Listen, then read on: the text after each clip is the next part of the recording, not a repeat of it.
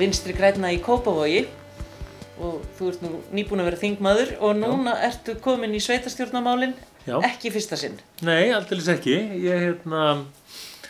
var bæjartrúi í Kópavogi frá 2006 til 2017, sagði það mig þegar ég var kosin á þing og uh,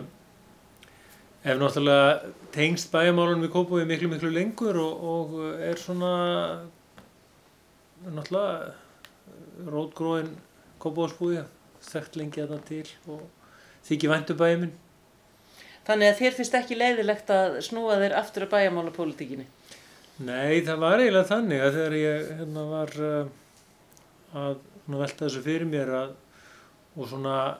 menna íta á mig var þetta nú ekki ógislega sniðu þetta prófa að fara aftur í bæjamálinu og allt þetta þá fer ég einhvern veginn að hugsa að ég á ég nú að nenna þessu svo þegar maður svona fer aftur að komur að segja hræra í pottinum og vera með í leiknum og svona þá er þetta bara svo rosalega skemmtilegt. Og þetta er svo gaman einhvern veginn að taka þátt í sko í samfélaginu svona með þessum hætti og vonandi geta gert eitthvað gang Nú voru vinstri græn ekki með í bæjarstjórn Kópavoks og áttu engan bæjar fulltrúa á síðasta kjörtímubili hvað ertu þá búin að vera að gera núna til þess að setja þig inn í málinn og, og er erfitt að koma svona aftur? Nei, það er í rauninni ekkit erfitt að koma svona aftur. Kópásbær má eiga það að upplýsingar um stöðu bæjarins og uh, hvað er að gerast svona í bæjakerfinu eru alveg ágætar og maður finnur þær á, á uh, heimasíðu bæjarins. Uh, bærin byrjaði á því fyrir sennilegum já, allavega einum átta árum að gefa út svo kallega mánaðaskýslur þar sem að mann geta í rauninni fylst með í rauntíma hvað er að gerast í bænum, uh, hvað uh, álægið á félagsstjónustunum mikið, hvað álægið á leikskólanum mikið og svo framvis og framvis og framvis og þetta var hluta því sem við gerðum þegar að, þegar að hérna, þegar ég var í bæðistöðun á sínum tíma og, og uh, mjög góð samstæðum þá og þetta hefur auðveldamannin alltaf núna mjög mikið að setja sig aftur inn í málinn um, og uh, það er bara uh, það er svona, ég held einhvern veginn að erði meira mál en það er í rauninni ekkert opáslega erfitt þegar að maður hefur aðgang allir þessari, umfjöllun og upplýsingum sem er til reyðu fyrir mann. Þannig að upplýsingagjöfin í Kópavói er góð en hvað með pólitíkina sjálfa og hvað er það sem að vinstri græn geta fært stjórn Kópavóks? Í grundvallra atriðum þá held ég kannski að okkar rödd geti kannski verið á tveimur til þremur sviðum þar sem hún skipti virkilega miklu máli.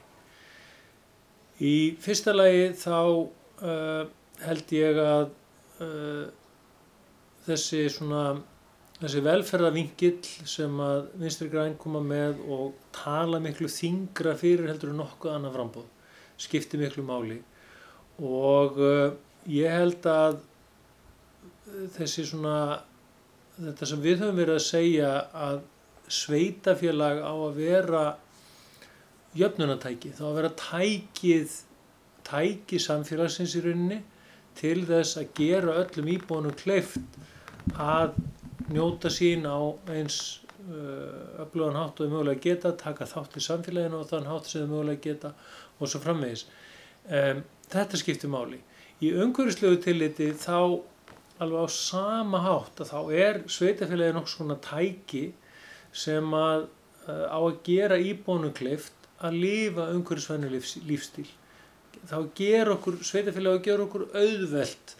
að uh, til dæmis að uh, hjóla eða ganga þá ger okkur, okkur auðvelt að eiga ramaspíl eða það er það sem við viljum. Þá ger okkur auðvelt að komast í almenni samgöngur eða það er það sem við viljum.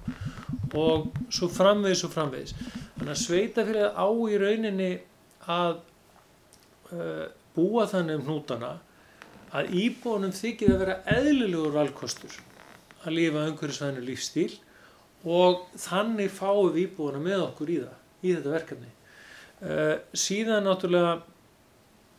er held ég og þar var kannski í, í því efni voru vinstri gæn kannski svona ákveðni brautriðendur í Kópói uh, þessu sem að núna er kallað íbúasamráð, það var þá kallað íbúalýðræði uh, að það var ef ég mann rétt annarkvort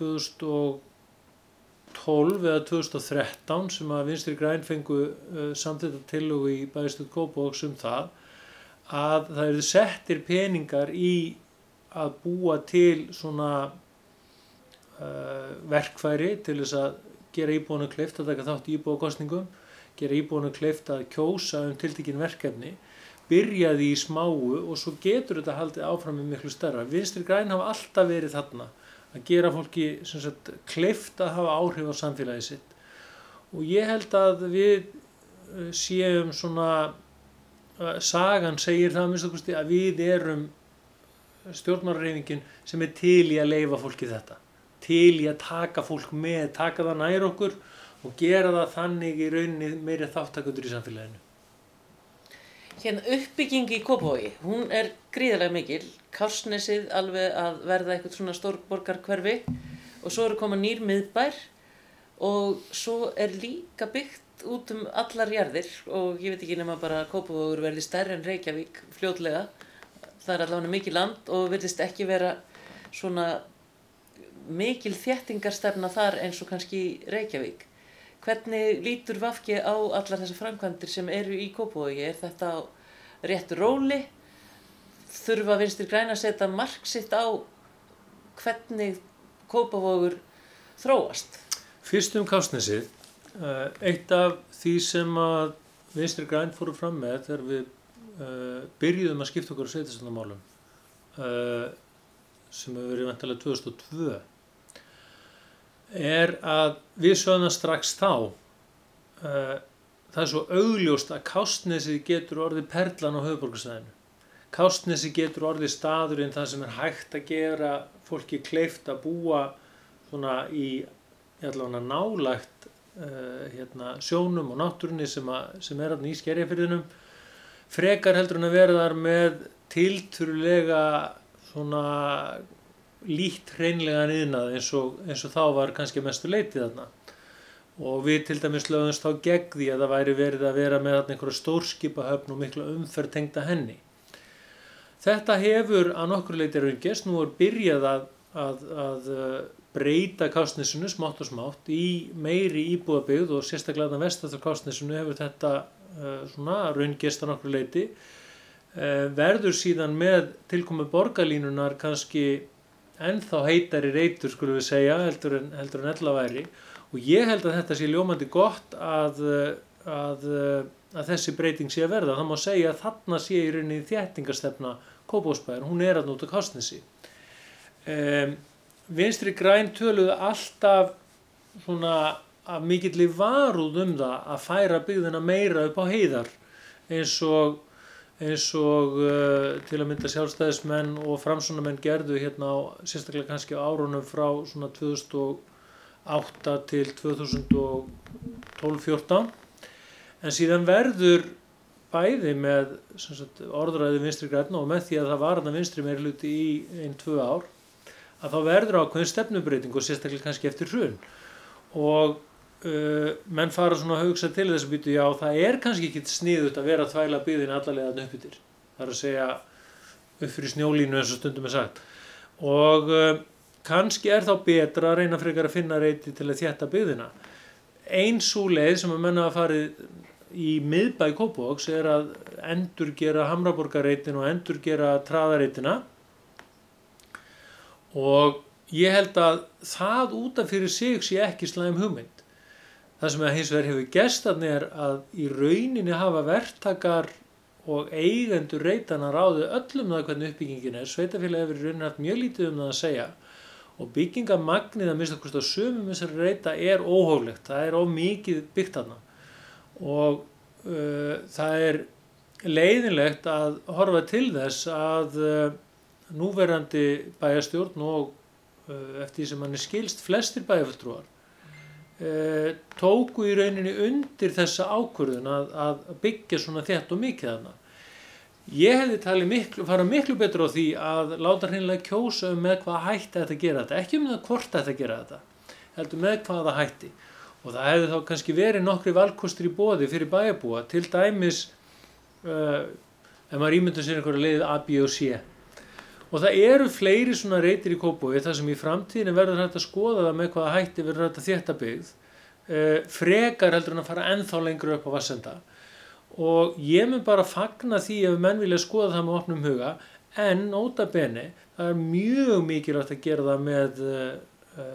í góðu samráði og samstarfi við íbúana og það er ekki bara með því að auðlýsa eitthvað og taka við aðtöðsendum það er með því að halda fundi með fólki, lefa fólki jafnvel að velja á millin okkur að kosta. Þannig getur maður í rauninni náð miklu miklu lengra í, í því að, að hafa raunverulegt samráð og ekki bara gera fólk ánaðar með bæið sinn heldur vera stolt af bæinu sínum því það er allt í lægi að því þú nefndir að Reykjavík, Reykjavík er svona stór og Kópavór eitthvað ákveði stór. Kópavór mun á næstu kannski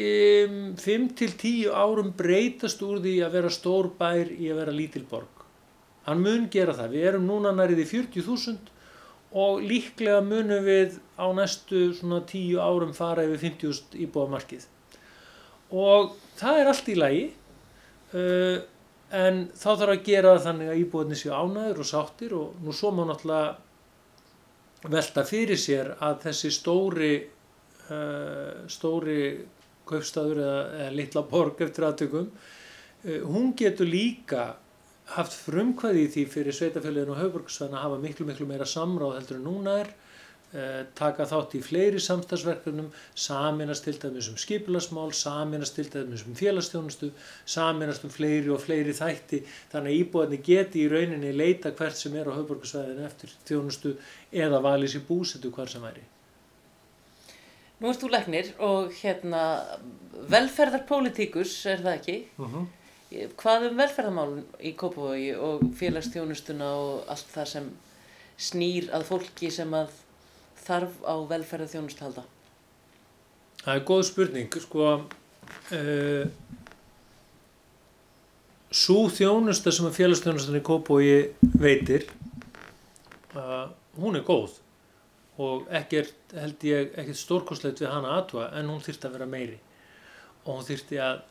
sagt, vera sterkari og meiri að burðum. Stæsti skafangin á uh, þjónustu við fólk sem að býr í Kópavogi og þarf einhvers konar stuðning eða þjónustu að halda finnst mér líka í því að samstarfið á milli heimahjúgrunar og, og, og félagsþjónustu og heimaþjónustunar það hefur ekki einhvern veginn náð til Kópavógs í sama mælu það er byrjað að þróast í Reykjavík. Þessu þurfum við að breyta. Það er um, það er svo augljóst í mínum huga að þessari þjónustu á að stýra af sveitafélaginu. Það er að segja samspili þessara sterku þjónustu þátt á að stýra af sveitafélaginu. Og þá kannski skiptir ekki öllu máli hver, sko, hver fjármagna þjónustuna, hvort að það er ríki eða sveitafélag, en það verður að vera á hreinu eins og hefur tekið svo ljómandi vel uh, í Reykjavík uh, til að mynda í selmuverkefninu eða í, í samreistri heimahjókunar og heimaþjónustuna eins og hefur verið gert að það, það, það er einhvern veginn uh, sko þá verður í rauninni notandin miklu meira í forgrunni hann verður í rauninni stýribreitan en ekki þarfir kerfisins eða hvað kerfið einhvern veginn, hvernig það getur fungera best. Varðandi svo til dæmis eins og uh, þjónustu við eldra fólk sérstaklega að þá er og hefur verið mjög lengi sko mikill halli á því í Kópói hvað er tildurulega lítið af hjúkunarímum í Kópói með þann fjölda eldriborgara sem þar eru. Uh, ég veit að náttúrulega manna best að uppbygging hjúkunarím og fjármögnum þeirra er á hendi ríkisins. En frumkvæði þarf að koma frá sveitafélagunum og sveitafélag sem hafa ekki mikið frumkvæði að uh, uppbyggingu hjúkunaríma þau lenda einhvern veginn aldrei aftalega í rauðinni sko gagvart, gagvart ríkinu uh, Kópáur hefur líka verið óheppin hvað það varðar að, að stækkun hjúkunaheimilisins í bóðaþingi lendi í málaferlum út af einhverjum hérna, út af höfundaréttamálum í sambandi við hönnun á heimilinu og heimilið hefur tafist óhóflega út af því. Ég skal ekkert segja við hvernig er að sakast í því. Það er eins og við vitum það öll alltaf að þegar að fara dómsmál í ganga þá flýta þau yfirleitt ekki fyrir hlutunum. En það, þetta gerðist þarna. Uh, það hefur líka lengi verið talað um að, að uh, bæta við hjúknaheimilið í sunnuhlýð eða auka þjónustöðs með einhverjum hætti. Það hefur